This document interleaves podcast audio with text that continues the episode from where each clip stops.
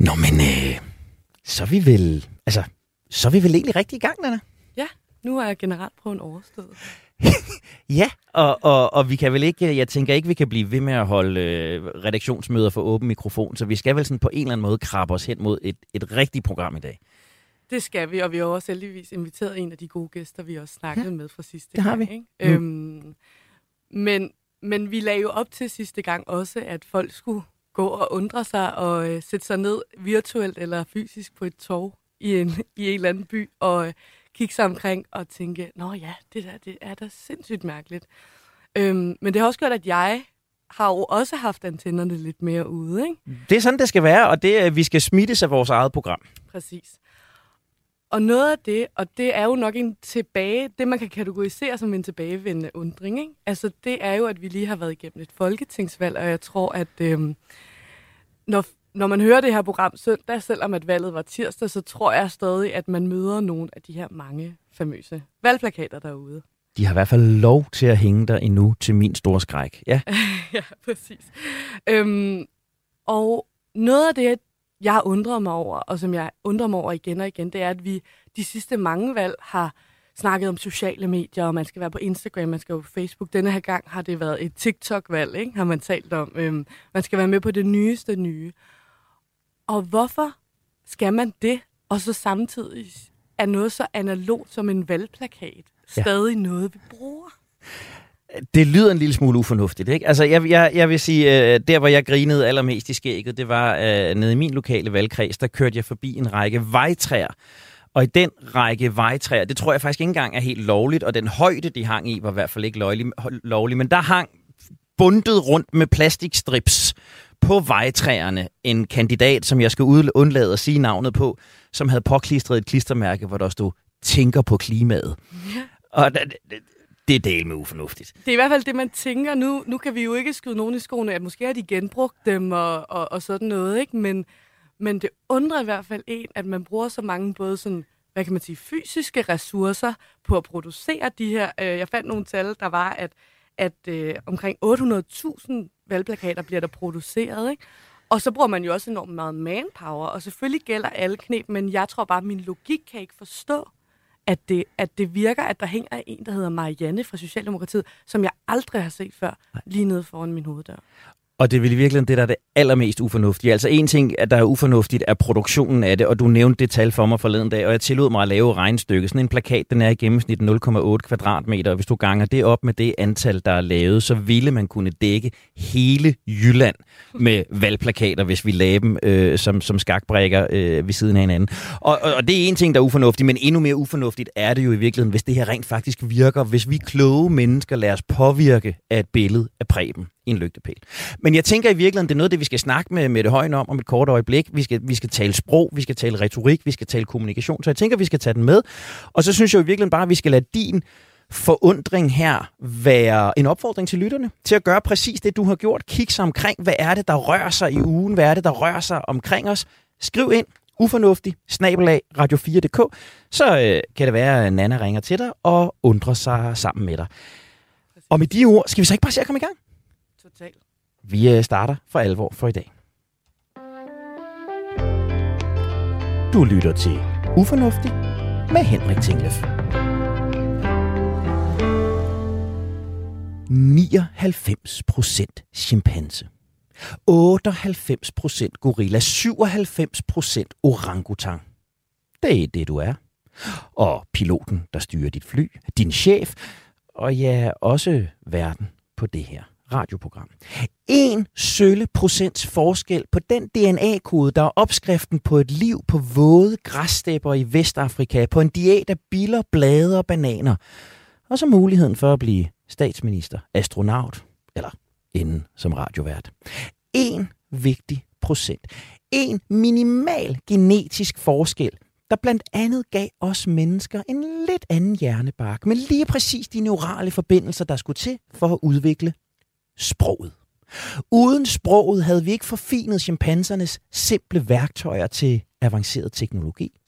Uden sproget var chimpansernes fællesskab ikke blevet til vores samfundsstrukturer og systemer.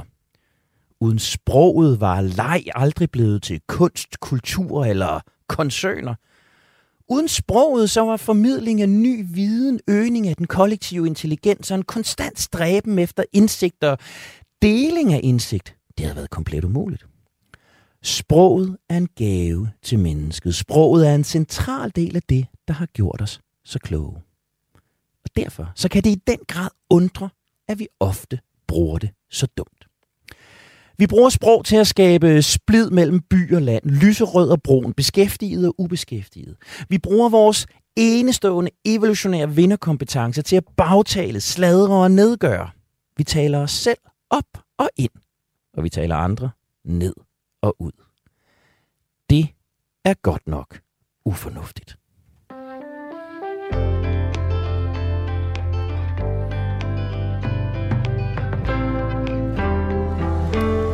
Du har ørerne i Ufornuftig på Radio 4. Programmet, hvor vi undrer os over, hvorfor vi kloge mennesker gør så mange dumme ting. Jeg hedder Henrik Tingle, for sammen med tilrettelægger Nana Chili Guldborg, der har jeg skruet et program sammen, der handler om vi ellers så fornuftige menneskers bravende, ufornuftige sprogbrug. Særligt over for hinanden. Hvorfor er det, vi udtrykker os så skarpt, når vi godt ved, at verden er i nuancer? Hvorfor er det så dejligt at tale andre mennesker ned og os selv op? Vi skal se på de værste sproglige uvaner, og vi skal se på, om vi har en chance for at gøre noget ved dem. Jeg lover dig ikke, det bliver opløftende. Jeg lover dig ikke, at øh, det vil vise dine bedste sider, eller mine. Men jeg lover dig, at det bliver helt igennem menneskeligt. Og dagens øh, medvært, sparringspartner, inputskiver, samtalepartner, det er dig, Mette Højen. Velkommen til. Tusind tak. Og Mette, du var, øh, du var med på en telefon sidst, og øh, der lærte vi dig lidt at kende, men øh, jeg tænker jo, fordi du har sagt ja til at være god ven af programmet, lytterne kommer til at, møde dig lidt ofte, så jeg tænker, vi skal lære dig en lille smule bedre øh, at kende. Og nu kan jeg se nervøsiteten i dine øjne. Jeg trækker ikke en hat op med mærkelige spørgsmål. Jeg vil bare bede dig om at fortælle lytterne, hvad det er, du laver til daglig, i stedet for at jeg sætter fine titler på. Hvad er det, dit felt er med det? Mit felt er retorik, og retorik er kunsten at overbevise. Og det kan jo lyde sådan lidt øh, fluffy eller højtflyvende. I virkeligheden så handler det om, at når vi alle sammen taler med hinanden i hverdagen, det kan være på arbejdet, men også i vores sådan, liv ud over arbejdet, så vil vi gerne et eller andet. Det er ikke sikkert, at vi altid har sådan fuldstændig gennemtænkt, hvad er mit mål med at have den her samtale, men som regel, så vil vi gerne have, at der sker et eller andet. Og det der et eller andet, det er jo sådan en slags overbevisning, at vi flytter tingene i den retning, vi gerne vil. Og i mit sådan daglige professionelle virke, der hjælper jeg så mennesker i erhvervslivet. Så det kan jo være at sælge idéer ind, det kan være at sælge produkter ind til en målgruppe, det kan være, øh, typisk er det nogle ledere, som skal stille sig op foran deres medarbejdere og sige, kære alle sammen, her har vi en strategi, er I ikke bare med på den? Så på den måde at gøre en strategi til, til handling og faktiske resultater. Det kan også også være, når de skal stille sig ud i medierne og forklare, hvorfor der er noget, der er gået rigtig godt, eller hvorfor noget, der er gået dårligt. Så dybest set hver eneste gang, du stiller dig op over for nogen, man kan også godt sidde ned. Men, øh, men, men mit arbejde handler rigtig meget om at hjælpe mennesker med at finde deres øh, karisma, fordi den karisma kan noget i forhold til overbevisning. Så det er koblingen mellem sproget og handlingen, det at tænke noget, udtrykke det og få ting til at ske. Absolut. Det er jo essensen af, af det her program. Øh, jeg plejer jo altid at sige, at mest af alt er jeg fascineret af, af mennesker. Hvor ligger din fascination af, af det sproglige? Hvad fik dig til at dykke ned i retorikkens verden? Hvad var oh. det for en fascination, der trak dig derind? Ej, sikkert et godt spørgsmål. Jeg er ret, jeg er ret fascineret. Nu, nu er jeg allerede i gang med at svare udenom her. Man skulle næsten tro, jeg var politiker, var. Nej, men øhm, jeg er meget fascineret af, hvad vores ord og vores udtryk, altså det vil sige vores kropssprog, siger om os selv. Vi afslører ekstremt mange ting omkring os selv.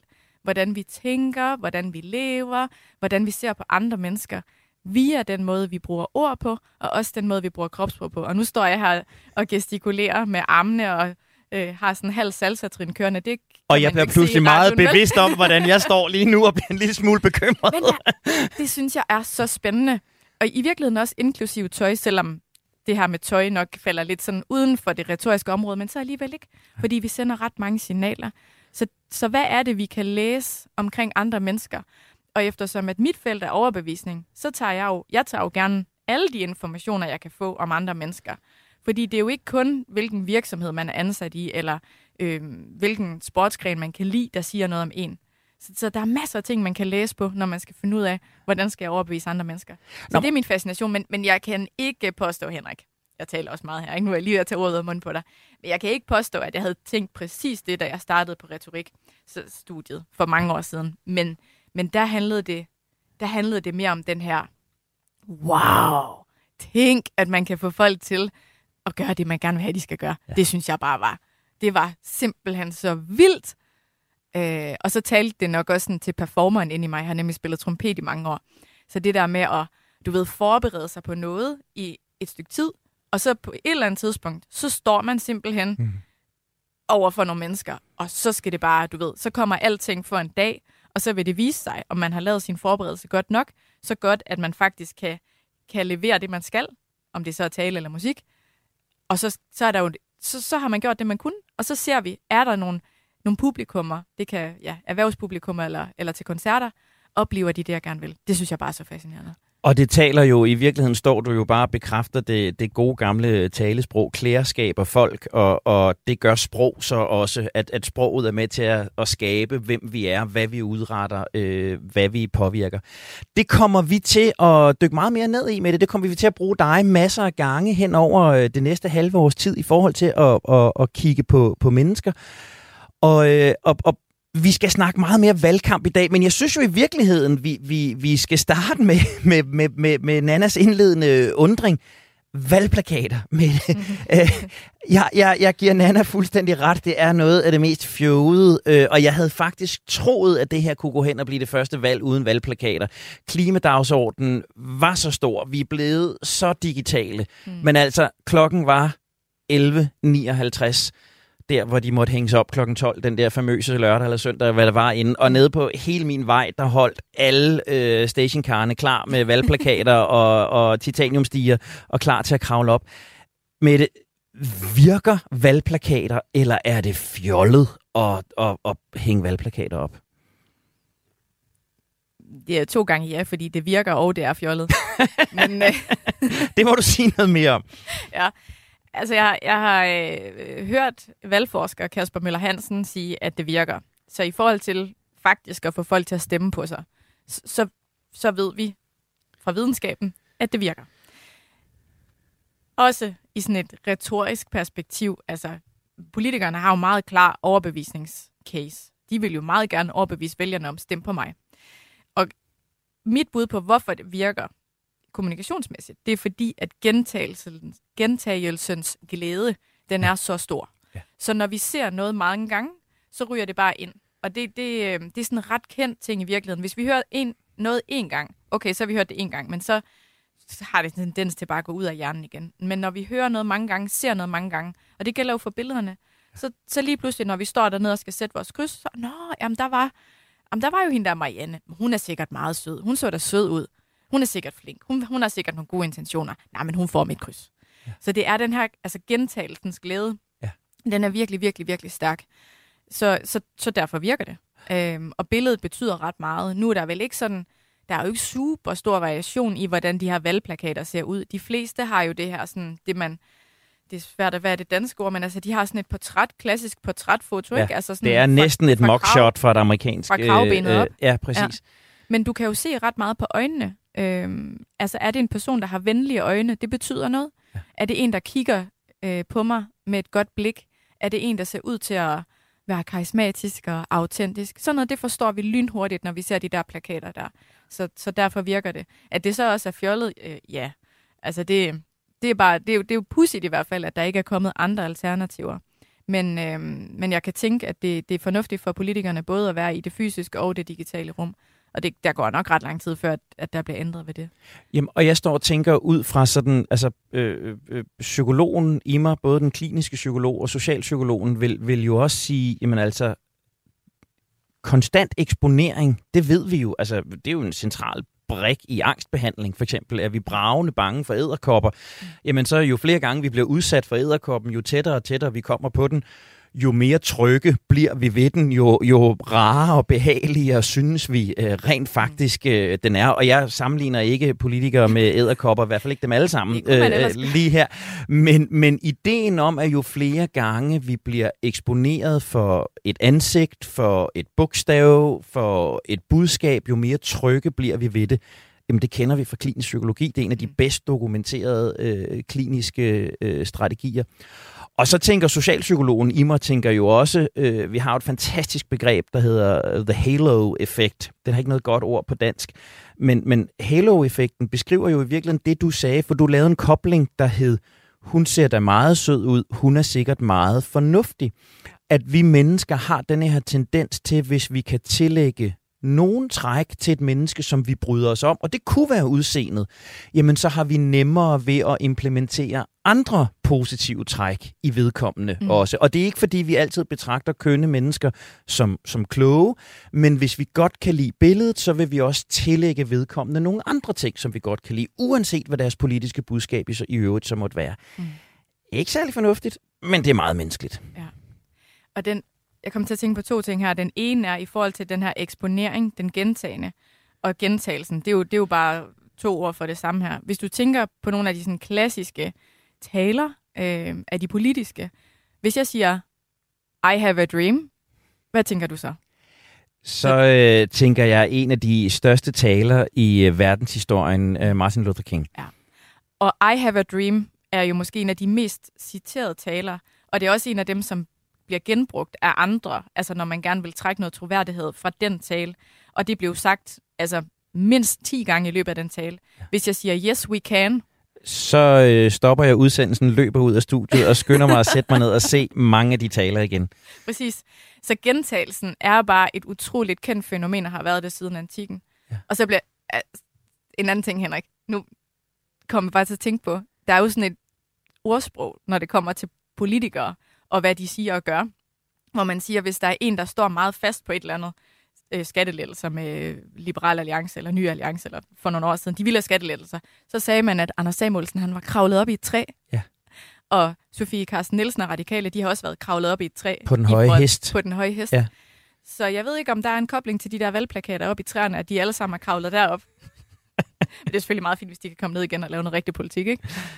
Så vi må, vi må et eller andet sted konkludere, at, at øh, de tilsyneladende ufornuftige valgplakater har i virkeligheden et, et, et, et fornuftigt parameter. Der er en genkendelsens glæde, der er en repetitionens glæde, der er måske en, en, en eksponeringseffekt, der er en, en halo-effekt, en kobling af noget positivt, noget rart. Lars Løkke havde godt nok også tabt 5 kilo og været 14 dage på Mallorca, da de billeder blev taget, men, men det er så en, en helt, helt anden snak. Jeg tænker med det, at vi skal, vi skal kigge lidt nærmere på, på valgforløbet, på, på valgkampen, fordi jeg tænker, det er jo... Øh, det er jo virkelig et sted, hvor vi ser retorikken udfolde sig. Det er et sted, hvor vi kan se nogle af ufornuftighederne udfolde sig. Hvis du med de brede retoriske briller kunne, kunne kigge på, tilbage på, på valgkampen her, hvad har du undret dig mest over? Hvad har været mest fjollet, ufornuftigt, bemærkelsesværdigt i, i den her valgkamp, vi netop har været igennem? Det har faktisk været øh, journalister og medier. Stik imod, hvad jeg plejer, og sådan synes fagligt set, hvor jeg, jeg har haft nogle sådan kritikpunkter mod politikerne, der kører sådan skyttegravsretorik. Så den her gang, så jeg faktisk undret mig mest over medierne. Og det kom til udtryk i en nu ved jeg ikke, hvad en duel hedder, når der er tre mennesker. Nej, det hedder men... vel næppe en triel. Men TV2, de kørte sådan et, hvem vil være millionær øh, koncept, hvor at Søren Pape og Mette Frederiksen og Jakob Ellemann, de ligesom skulle stå og argumentere for deres sag. Der var ekstremt mange tidspunkter, hvor at de, var, de talte ind i det, hinanden ville, og sagde, jamen, jeg kan gå med til det her, og så kan vi bygge det her ovenpå, eller her er nuancerne. Så de var faktisk i gang med for en gang skyld, og jeg var så afsindig glad og overrasket. Og jeg blev, blev virkelig sådan glad helt ind i sjælen, for jeg tænkte, yes, endelig har vi en debat med kvalitet. Jeg bliver bare, oh my god, de kan faktisk. De, altså, de kan både retorisk og intellektuelt. Hvor er det skønt? Så blev jeg så tilsvarende skuffet, og virkelig, virkelig ned i kulkælderen, da jeg så hører verden sige, jamen, hvis altså, I kan da ikke stå deroppe og være enige. Jeg, jo, jeg som journalist, mit job er jo at finde lus i pelsen, og det var faktisk det, øh, der blev sagt, lus i pelsen. Så jeg bliver jo arbejdsløs, hvis I er enige om alt. Ja. Og altså, jeg har mange ord i mig, men lige der, der vidste jeg simpelthen ikke. Og, og, og der kom bare sådan et spørgsmål til mig. Hvorfor er det virkelig et problem, at vi har tre mennesker, som repræsenterer nok størstedelen af vælgerne, Ja. at de er enige om, hvordan vi skal tage Danmark igennem den globale krise, vi er i lige nu, og hvordan vi ligesom skal indrette samfundet fremover. Jeg kan faktisk ikke, altså hvis jeg skal snakke med min fornuft, så kan jeg faktisk ikke se, hvad, hvorfor er det en udfordring. Jo, det kan være, at det bliver lidt mere kedeligt tv, men jeg synes jo, det var spændende tv at høre nogle lidt dybere forklaringer og nuancerede debatter, i stedet for at det bliver det her ja-nej-svar øh, på alle spørgsmål. Men det er jo et gennemgående, det der er jo et gennemgående kommunikativt trick. Det er jo virkelig en af de ting, jeg også undrer mig over ved os mennesker. Altså, vi forsøger jo ofte at definere os i opposition til noget. Jeg har et par gange i mit liv prøvet at udgive bøger. Det første, som, som pressekonsulenten på forlaget altid spørger mig til, det er, hvem er du i opposition til? Hvad gør du op med? Hvad vil du gerne ændre? Mm. Øh, når, når en ny politisk kandidat skal positionere sig, så er det også altid i forhold til, jeg er det modsatte af. Vi husker alle sammen, jeg kan slå Anders Fogh. Ja. Øh, hvis, hvis vi skal, skal fremme en, en elbil, så er det i opposition til, hvad er det, den kan, som kulbilen eller dieselbilen mm. øh, ikke kan. Altså, så det er jo en ting, vi mennesker gør det der. Vi ikke definerer os ud fra, hvem vi er, men hvad er vi i modsætningsforhold til. Ja. Hvorfor? Jamen altså, her må vi... Øh, lad os lige tage en tidsrejse. Ja tak, Ja. den vil jeg gerne med Tilbage i tiden. 2.500 år. Og så transporterer du det også lige til det antikke Grækenland. På. Der vil jeg gerne have været. Athen. På det her tidspunkt, der gik der to gamle nisser rundt, kan man næsten kalde dem. Aristoteles og Platon. Og de var begge to filosofer. Aristoteles, han var meget optaget af, demokratiet var nemlig blevet født på det her tidspunkt, så han var meget optaget af at kigge på talerne, altså kun de mandlige talere selvfølgelig, som havde taleret og stemmeret. Øhm, og han kiggede meget på, hvem er det, der vinder debatterne. Og en af de ting, han fandt ud af, og det var også her, han grundlagde retorikken, altså kunsten at overbevise, det var, at dem, der er gode til at bruge de her kontraster, som du siger, modsætninger, det er dem, der får stor tilslutning. Fordi kontraster, det vil sige fortid, fremtid, sort, hvid, hvad vi skal gøre, hvad vi ikke skal gøre, fordel, ulempe. Øhm, det, det, det, det får os til at se verden meget, meget klart, og det er derfor, det virker. Kontrasterne er en god måde at få os til at forstå, hvordan fungerer verden på, og hvilket valg skal vi tage. Det er meget svært, hvis jeg siger til dig, der er en masse nuancer i det her, så er du allerede sådan lidt inde i hovedet, uh, nej, det, øj, nej, det lyder svært. Så kontrasterne er en glimrende mental indgang, og det er derfor, det virker. Men det er jo så ikke nødvendigvis super godt for, hvordan vi både driver en diskussion, og hvordan vi også driver et land. Men burde vi kloge mennesker netop ikke kunne rumme nuancerne? Er det ikke en faliderklæring, at vi er nødt til at tale i modpoler? Jo, men jeg, jeg vil nok aldrig argumentere for, at vi skal tage kontrasterne ud, for de er også ekstremt virkningsfulde. Men jeg synes, vi skal prøve at lære det greb, der hedder modpol 1, modpol 2 og mødested ind på midten. Altså hvor man så skitserer kontrasterne, og så siger, her er der et yderpunkt, her er der et yderpunkt, og her er nogle nuancer inde i midten. Så i virkeligheden tænker jeg, at det er et spørgsmål om noget kommunikationstræning til os alle sammen, hvor vi bliver mere opmærksom på det, så vi ikke bare falder i modsætningsgryden automatisk. Ja, så det er vel noget, det er vel noget med at udbygge vores, vores jeg hader ordet værktøjskasse, men, men, men vores øh, kompetencespektrum, at vi skal kende effekten af modpolerne, e- effekten af ekstremerne, men vi skal, vi skal også kunne fravige dem, og, og bør vi måske kunne gøre noget oftere, end vi gør i øjeblikket. Præcis, og der har medierne og journalisterne et kæmpe ansvar, især i, i, i forhold til deres øh, nyhedskriterier, som er sensation og konflikt. Det ligger jo op til kontraster og modsætninger.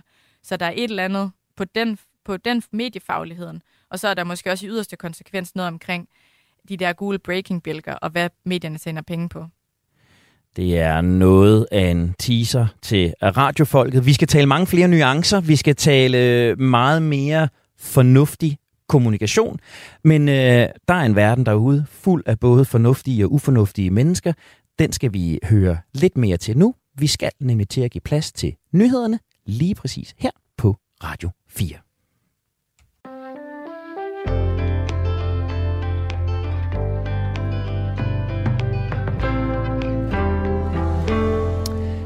radio står lige nu på Radio 4. Du lytter til Ufornuftig, programmet om, hvorfor vi kloge mennesker gør så mange dumme ting. Mit navn er Henrik Tinglef, og sammen med dagens øh, medvært, samtalepartner, indskudsgiver, erhvervsretoriker Mette Højen, der undersøger jeg i dag, hvorfor vi fornuftige mennesker bruger vores store evolutionære fordel, sproget, så ufornuftigt, som vi nu engang gør. Vi er blevet en lille bit smule klogere på ekstremer, ønsket om nuancer. Vi er blevet klogere på gentagelsens kraft. Vi er også blevet klogere på, at hvis jeg var lidt kønnere, så ville der være flere, der lyttede til mig. Det er en helt anden snak. Men inden Mette og jeg snakker videre om øh, sprogets fælder, så, så ved jeg, Nana, du har, øh, du har researchet lidt. Du har dykket lidt ned i nogle af de øh, sproglige uvaner. Ja, altså i forhold til det her med at være modpoler, ikke? Altså at være, at stille sig op og, og tage det yderste, det yder, mest yderliggående standpunkt. Altså, det er jo virkelig noget, man ser, øh, hvis man øh, går ind i en, i en kommentartråd på, øh, på måske Facebook især, men altså de sociale medier er virkelig et sted, hvor, hvor jeg tænker, at, at de lever det her med at stille sig i fuldstændig modsatte ende til, til, øh, til det, der bliver sagt. Øhm, og, og, der, og så fandt jeg ligesom nogle tal. Det er jo sådan noget, der er man kan måle på, men, men det kan måske også være lidt svært at, at konkludere noget, noget konkret. Men altså, i 2017 der udgav øh, Institut for Menneskerettigheder en rapport om hadefulde ytringer i, det online, øh, i den online verden. Ikke? Og de havde så kigget på knap 3.000 kommentarer hos, hos DR Nyheder og TV2 Nyheder. Altså, de havde lagt en nyhed op, de havde lagt en nyhed op, og, og så havde folk kommenteret. Noget af det, man kunne, kunne de konkluderede i den her rapport, var, at øh, selvfølgelig har jeg lyst til at sige, men det tror jeg godt, vi ved, at det især var, når det handlede om udlændinge og køn, oh, at yeah. der kom hadfulde kommentarer, øh, og også øh, at de ramte politikere og debattører i højst grad. Og så kunne de se, at at selvom medierne jo censurerer, hvis der kommer trusler og sådan noget, så det, der stod tilbage efter medierne havde ligesom modereret de her kommentarspor, så var der stadig cirka 15 procent kommentarer tilbage, der kunne kategoriseres ifølge dem som hadefulde. Ikke? Så det er jo ret mange, der står tilbage og stadig er hadefulde i de her kommentarspor. Og noget af det, de også finder ud af, det er, at det er, når der i opslaget fra medierne er en kontroversiel eller hadefuld et citat fra en eller anden, der siger noget, så afler det også flere hadfulde kommentarer i kommentarsporet. Øhm, og, og det er der jo også lavet mange undersøgelser om det her med, om, om folk så har lyst til at deltage i den her online-debat. Og det, det er jo en snak om demokratiet, om, om folk har lyst til at være en del af det. Og det tænker jeg måske egentlig, det synes jeg er meget logisk, at folk, jeg forstår godt, man holder sig fra det, men det er måske ikke så godt for vores demokrati, hvis der er mange, der holder sig fra det. Det der er lavet mange undersøgelser om både unge og ældre, om at man ligesom ser det her hadfulde sprog, og så holder man sig ude. Ikke? Altså, så Ja, hvad tænker du om det, Henrik? Jamen, jeg tænker, vi skal have Mette på banen, for jeg tænker, at Mette har en, øh, en, en, må, må have et bud. Jeg tænker, øh, det er jo bekymrende. Det er jo bekymrende, hvis den måde, vi taler med hinanden på, for os øh, til at, øh, at, at, at ønske at holde os væk fra, fra samtalen. Er det her et udtryk for det, du beskriver før med det med den ekstreme kommunikation, eller er det et udtryk for det, som jeg teasede lidt for i indledningen, det her med, at det faktisk er lidt fedt nogle gange at tale andre ned og os selv op. Hvad er det, der sker? Og det er ikke, fordi vi behøver at dykke ned i kommentarspor, det tænker jeg, det, der er meget at hente en, en anden gang. Men hvad er det, der er, at vi har det her behov for at udtrykke os så kritisk? Enten så er du øh, med os, eller så er du imod os. Og det er den følelse, som er så fed, havde jeg nær sagt. Men det er ligesom at øh, tisse i bukserne. det er muligvis rart, mens det sker. Men, men det bliver meget hurtigt koldt og, og, ikke, og ikke særlig godt. Hverken måske for afsender, men, men som Nana siger, mindst af alt for, for fællesskabet og den demokratiske samtale. Altså, nu var jeg inde på det her med medierne, og jeg synes, det, det har jeg lidt en kæphest, kan jeg godt mærke. Men jeg vil godt returnere til det, fordi noget af det, der får blikfang og skaber overskrifter, det er, når man får en enkelt person til at give et citat, fordi man kan altid identificere sig med en enkelt person. Så det er derfor, at det er sådan rent kommunikationsmæssigt i medierne er fedt at trække en person frem, fordi det giver bare noget opmærksomhed. Og det er jo så også noget, folk kan relatere til på de sociale medier, så jeg kan spejle mig i dig. Og der tænker jeg også, at altså, der har du jo som psykolog et, et mega, mega område med det her med, hvordan vi ser os selv i hinanden. Så, så det, det er derfor, det trigger. Og så ser man på de sociale medier, åh, oh, men der er en, der synes det samme som mig. Ej, jeg går lige ind og, og hælder mere vand på den mølle. Hedder det det? Nu bliver jeg faktisk lidt i tvivl. Det kan det sagtens øh, så, så, så, så, puster man lidt, så puster man lidt til den der ild der. Øhm, og så er der, der er nok også noget i det her med, hvordan forstår vi verden, og hvad, altså, hvordan, hvordan oplever vi verden? Du har jo aldrig, tænker jeg, nogensinde hørt et eventyr eller set en film fra Disney, eller noget som helst andet, der gik noget i retning af, der var engang en, bam, der, en bamse, der hed Bimse, og han havde en rigtig god ven, der hed Nini, som var en kanin, og de gik på jagt efter honning og gulerødder. Og så var alt godt. Slut. Det, så, sådan fungerer det jo ikke. Så i alle historier, inklusiv de historier, vi fortæller os selv omkring vores liv og i eventyrene osv., der er jo en eller anden form for konflikt. Og sådan rent kommunikationsmæssigt, så hvis der er nogen, der kan huske noget fra deres folkeskoletid om noget, der hedder aktantmodellen, lækkert ord. Men i aktantmodellen, der er der altid en held, lad os bare sige Robin Hood. Så er der en fjende, det er så den onde prins John og mhm. sheriffen mm. af Nottingham. Ja. Og så er der så et mål, og det er jo at tage for de rige og give til de fattige. Og så handler hele filmen om, og historien i øvrigt, om hvordan at helten overvinder fjenden og opnår det her mål. Og det er jo sådan, altså nu kan man jo prøve at sidde og tænke på ens selv og ens liv, ikke? Altså hvilke fjender har du, for eksempel Henrik, som du skal overkomme for så at vinde og opnå din mål. Så der er jo nok også et eller andet lidt dybere liggende i den her historiefortælling. Både de historier, vi læser, men også de historier, vi skaber i den måde, vi lever på. Så er der et, er det sådan et, et i mit perspektiv, jeg vil jo sætte sådan et evolutionært parameter på, altså er, er, den, er det her behov for at, at, at tale ned, det her behov for at bekæmpe og bekrige retorisk, er det sådan et, et, et dybere liggende overlevelsesinstinkt, der i, i virkeligheden ligger i os, at der er et menneske her, eller en holdning her, eller et parameter her, som står mellem mig og mit mål, og derfor så skal det kanøfles? Ja. Hvad vil der ske, Henrik, hvis jeg sagde til dig, alt er godt, alt er, som det skal være. Du har ingen udfordringer. Tingene kører bare fuldstændig, som de skal.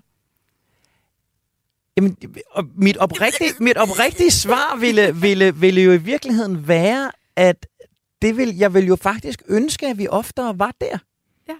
Jeg vil faktisk ønske, at vi oftere var der, hvor vi ikke havde behovet for at bekrige, hvor vi ikke havde behovet for at bekæmpe, men hvor vi i højere grad var tilfreds med tingenes tilstand. Og det er derfor, jeg ikke helt altid forstår, vi kloge mennesker, der har overlevet 300.000 års evolution fra den østafrikanske savanne til nu, hvor vi ved Gud har bekæmpet og bekriget og spredt os over hele verden øh, med et, et slæbespor af død og ødelæggelse efter os, mm.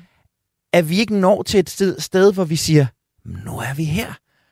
Og der er det egentlig meget rart, og vi behøver ikke at bekrige hinanden, hverken retorisk eller fysisk. Nej, men det er også meget mærkeligt.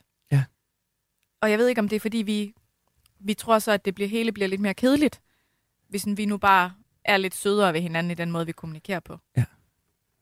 Og, jeg tror, og, jeg, og, og så tror jeg jo, at vi mennesker et eller andet sted, du siger det jo også selv, du, du siger det indledningsvis, vi har behov for at definere os i opposition til noget. Jo stærkere billede vi, vi har behov for at få af os selv, jamen så er vi måske nødt til at gøre det i, øh, i opposition til noget andet. Om det så er elbilen over for kulbilen, eller det er Venstre over for Socialdemokratiet, eller det ene produkt over for det andet, så bliver budskabet skarpere, hvis vi gør det i opposition.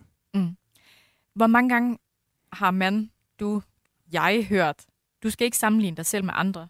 Du er på din egen rejse, altså i forhold til, hvad, hvilke øh, ting, der sker i ens liv. Det har jeg hørt ret mange gange. Det er godt nok svært. Så der er jo nok både noget altså psykologisk og noget kommunikationsmæssigt i det der med, hvor godt går det for mig i forhold til, hvor godt det går for andre. Sandheden er jo nok bare, at man kan jo aldrig rigtig vurdere det vel, fordi vi, vi kender jo kun os selv indenfra, og man ved jo aldrig, hvad, hvordan tingene ser ud for andre. Men det er jo virkelig, virkelig svært. Ja. Så jeg tror, at man skal være ekstremt opmærksom på, hvad er det, hvad er det dels, jeg tænker, og hvordan kommer de tanker så til udtryk i tale. Og, øh,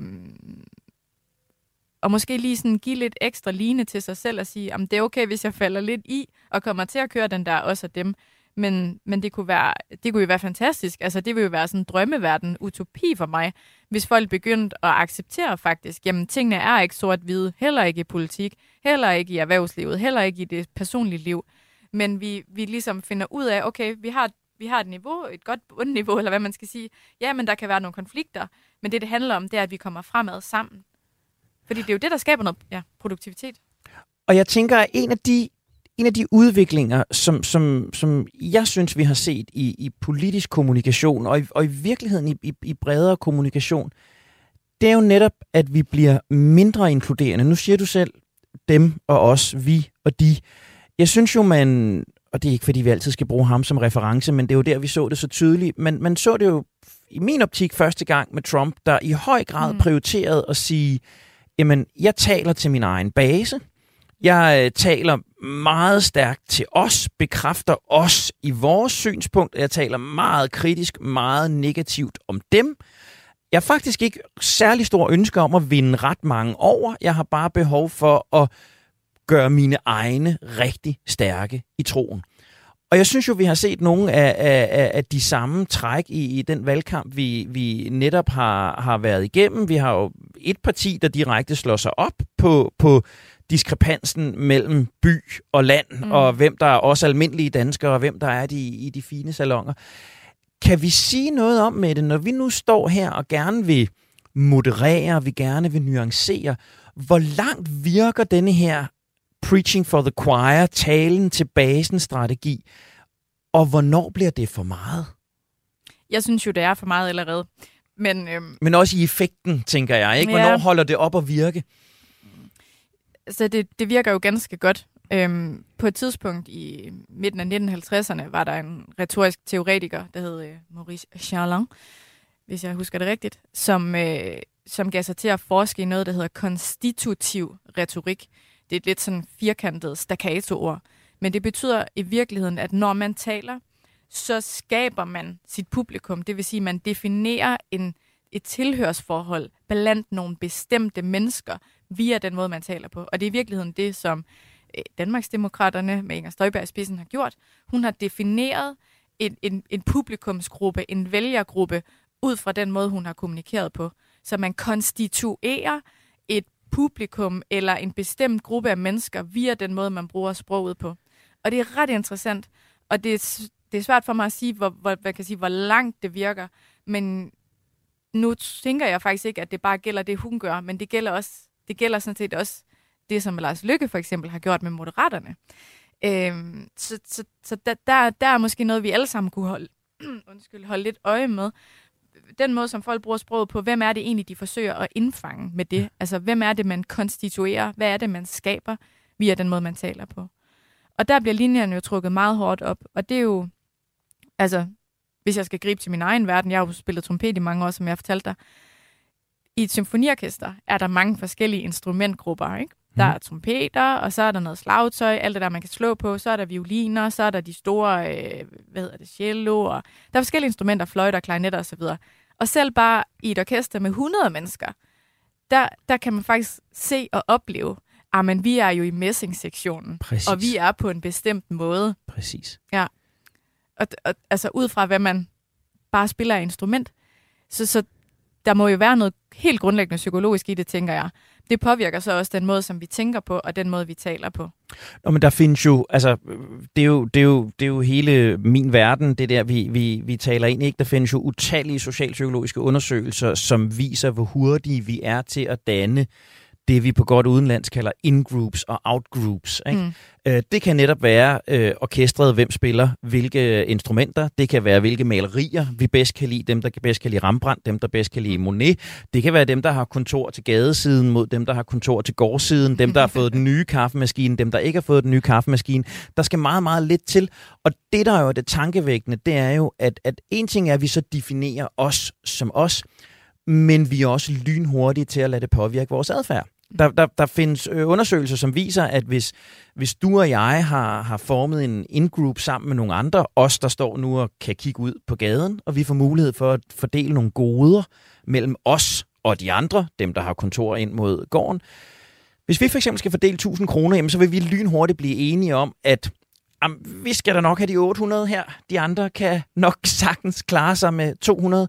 Og selv hvis vi der får beskeden, ved I hvad, I kan faktisk godt beholde de 800, og samtidig give de andre 800, så de får lige så meget som jer, så vil vi sandsynligvis sige, ah, vi kan øge det til måske 350 over hos dem. Men de skal ikke have lige så meget som os. Vi vil gerne bevare forskellen.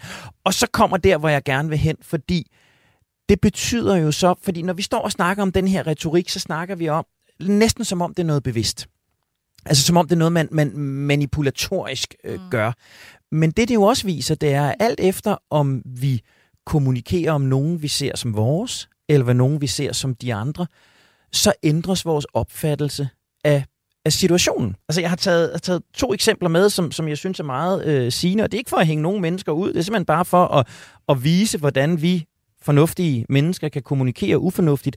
Pia Kærsgaard skriver den 28. januar 2006, det er under Mohammed-krisen, der skriver hun et tweet, der hedder, hverken Jyllandsposten eller statsminister Anders Fogh Rasmussen skal undskylde for noget som helst i forbindelse med Mohammed-tegningerne i Jyllandsposten i september.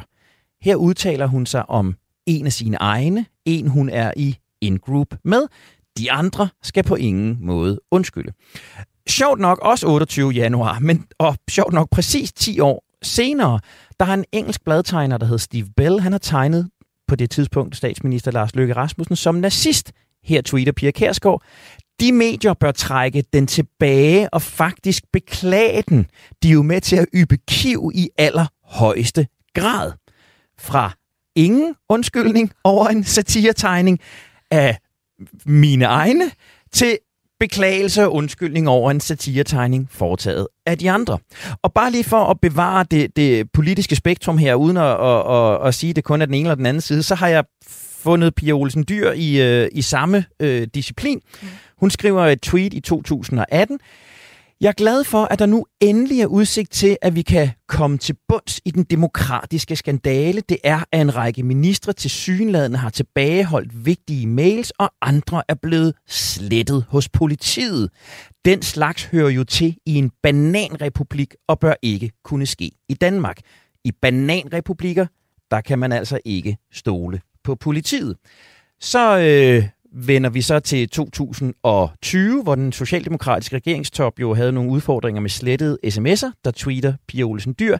Det er helt vildt at høre Søren Pape og Jakob Ellemann. Tror I ikke på politiet? De har sagt, at sms'erne ikke kan genskabes. I lyder som Trump. Jeg er faktisk rystet. Og jo, det er træls, at de ikke kan genskabes, men jeg tror på politiet.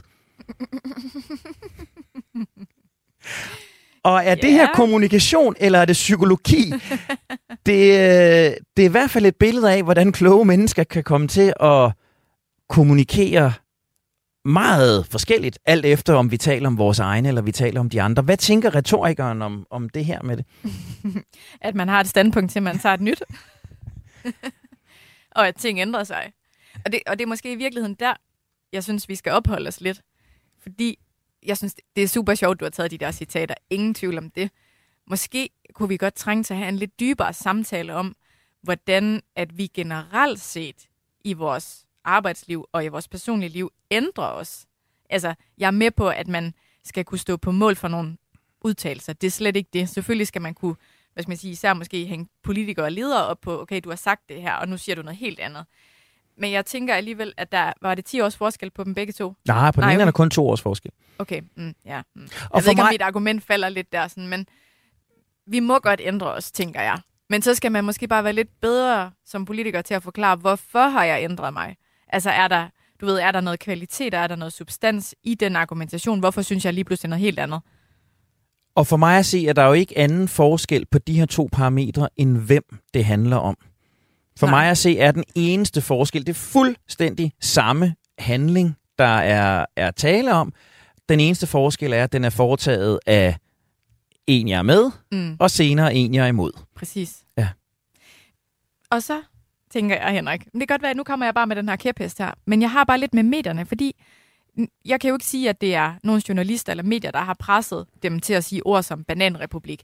Men jeg er ret sikker på, at de her to gavede politikere, de ved godt, hvad der udløser en overskrift, og de ved godt, hvad der udløser noget medietid. Og det gør det, når man bruger de der metaforer, altså bananrepublik, de der billedskabende ord. Det gør det, når der er kontrasterne. Så, og det, det er jo sådan lidt en høn eller ægget, ikke? Altså, er det dem, der siger det først, eller er det så journalisterne, der vælger at trække et eller andet frem, som måske egentlig blev sagt ret sent? Det, ved, det kan vi jo aldrig vide. Men der er så et eller andet, der er interessant i forhold til mediernes rolle og den måde, som journalistik fungerer på i dag. Og det er både sådan nyhedskriterier, sensation og konflikt. Hvad vælger man ud? Men også i forhold til, hvordan medier driver deres virksomheder. Views, likes, reklamer, kliks, er noget af det, der genererer omsætning. Og det er ikke, fordi jeg overhovedet øh, vil argumentere for, at vi skal øh, have 10 virksomheder, der er ligesom det er. Slet ikke. Jeg tror bare, det er ret vigtigt at være opmærksom på det, i forhold til, hvordan vi alle sammen bliver påvirket på daglig basis. Hvem har hvilke motiver, når de sender noget ud i verden? Og på den måde krabber vi os jo hen imod der, hvor vi gerne vil, vil, vil ende med det. Vi har været, vi har været vidt omkring i, i politisk kommunikation, i, i dem også retorik, i, i socialpsykologiske parametre, i hvad det er, der sker. Hovedoverskriften for i dag, det er jo, hvordan bruger vi mennesker vores kæmpestore evolutionære gave, sproget, lidt mere fornuftigt, end, end vi gør i dag. Og hvis du skulle øh, give lytterne, der sidder derude, mm. og også gerne mig, øh, hvad end det er mennesker, der er ledere, eller det er mennesker, der er almene medarbejdere, hvad end det er politikere, eller det er folk i mediebranchen, som Nana og jeg, hvordan er det så, vi skal bruge vores sprog en lille smule mere fornuftigt fremadrettet? Jeg har været en, en tur i sangskatten, Henrik. Ja. Jeg vidste jo, du ville spørge mig om det her. Ja. Så jeg har tænkt over det. Ja. Snydt og tænkt over det på forhånd. Det må man gerne. Bare du ikke har bagt en kage. Det har jeg ikke, bare roligt. Ja, mit råd går faktisk på at begynde at tænke over kontraster. Så vi bliver alle sammen udsat for mange reklamer hver dag. Øh, og det kan være i bybilledet og online. Prøv at tænke over kontraster. En øh, et varmt glas gløk på en kold vinterdag. Det er et eksempel på kontrasten. Så det, det, mit, mit råd vil faktisk gå på at begynde at tænke over kontrasterne, for når vi begynder at tænke over noget, så begynder vi også at blive påvirket og lægge mærke til det i vores eget sprog. Og så kom jeg på den her TV2-sang, som jeg synes passer ret godt oh, til, til dagens Brandt program. kan altid noget, oh, ja. han kan noget, ikke? Kan du huske den her sang, der hedder Kom lad os brokke os? Absolut. Den kan man jo filosofere lidt over, hvordan den hænger sammen med sådan den danske folkesjæl. Men prøv lige at høre her, Henrik. Den er nemlig fyldt med kontraster. Alt for meget sex og lidt for lidt romantik. Alt for meget larm og lidt for lidt klassisk SK. Vi har trods alt kun det ene liv, og hvad giver de os så at rive i? Jeg synes, det indrammer meget fint. To tv-aviser, lidt sport og en quiz, så er den aften gået, så er det liv forbi. Er det ikke sådan der? Jo, præcis. Så hvis man har nogle sange, man godt kan lide, så kan man også lige begynde at botanisere lidt i, hvordan det ser ud med kontraster der. Så kontraster, prøv at begynde at kigge på det og tænke over det. Så bliver man også meget mere opmærksom i den måde, man selv taler på. Og så kan man jo finde den der nuance middelvej mellem polerne. Og det, øh, så kommer det til at ske noget godt. Så vi skal væk fra at tale i kontraster. Jeg synes ikke, du har været fremragende i dag med det. Jeg synes ikke, du har været banebrydende, leverende. Jeg synes heller ikke, du har været ringe. Jeg synes ikke, det har været øh, elendigt og dårligt at have dig med. Jeg synes, øh, der har været elementer, som har været øh, rigtig, rigtig interessante og gode. Måske også elementer, som vi har kunnet gøre skarpere. Men øh, det har som altid været en fornøjelse at være i selskab med dig. Tusind tak, fordi du vil komme og være med med det. Selv tak. Nanne, hvad er det vigtigste, du tager med dig i dag? Det er jo meget nemt at sige, at øh, det er det her sidste, men jeg synes faktisk, det er rigtig interessant at gøre sig selv opmærksom på kontraster. Det synes jeg var et rigtig godt råd, fordi at man netop er så eksponeret hele tiden for det her og det her. Du kan få det her, hvis du gør det her, og, og du vil ikke have det her, det ved vi godt. Du vil ikke have gule tænder, så køb det her, så får du hvide tænder, og sådan noget. Øhm, det, det vil jeg tage med mig, det vil jeg gå og tænke over. Så når du nu skal kommunikere lidt mere fornuftigt i den kommende uge, så vil jeg lade være med at være så kontroversiel, som jeg altid er i mine udmeldinger. ja, men det er godt. Det bliver øh, jo i virkeligheden det første rigtige program i ufornuftige serien En tur rundt i sprogets og retorikkens verden. Der er ikke andet at sige, end at mennesker er fantastiske og forunderlige mennesker er samtidig foruroligende og farefulde, og dagens emne har jo bare vist en lille bitte fli af ufornuftens væsen. Vi vil så gerne belyse mange flere sider af netop det. Så øh, husk, at du både kan genlytte hele programmet her i Radio 4-appen, hvor du også finder alle Radio 4's andres gode programmer. Og så kan du til hver en tid skrive til Nana og jeg på ufornuftig snabelag radio4.dk. Del hellere end gerne alle de små, dumme ting, du undrer dig over, at vi kloge mennesker, vi går og gør. Og del også gerne dit bud på nogle af forklaringerne. Jeg hedder Henrik Tinglef. Jeg har været din vært. Til rettelægger var Nana Chili Guldborg. Vi siger tusind tak for din tid. Tusind tak for din opmærksomhed. Blev vi klogere sammen? Måske. Vil vi alligevel dumme os igen? Absolut. Og derfor, der gør vi det hele igen i næste uge. Det skal nok blive ufornuftigt.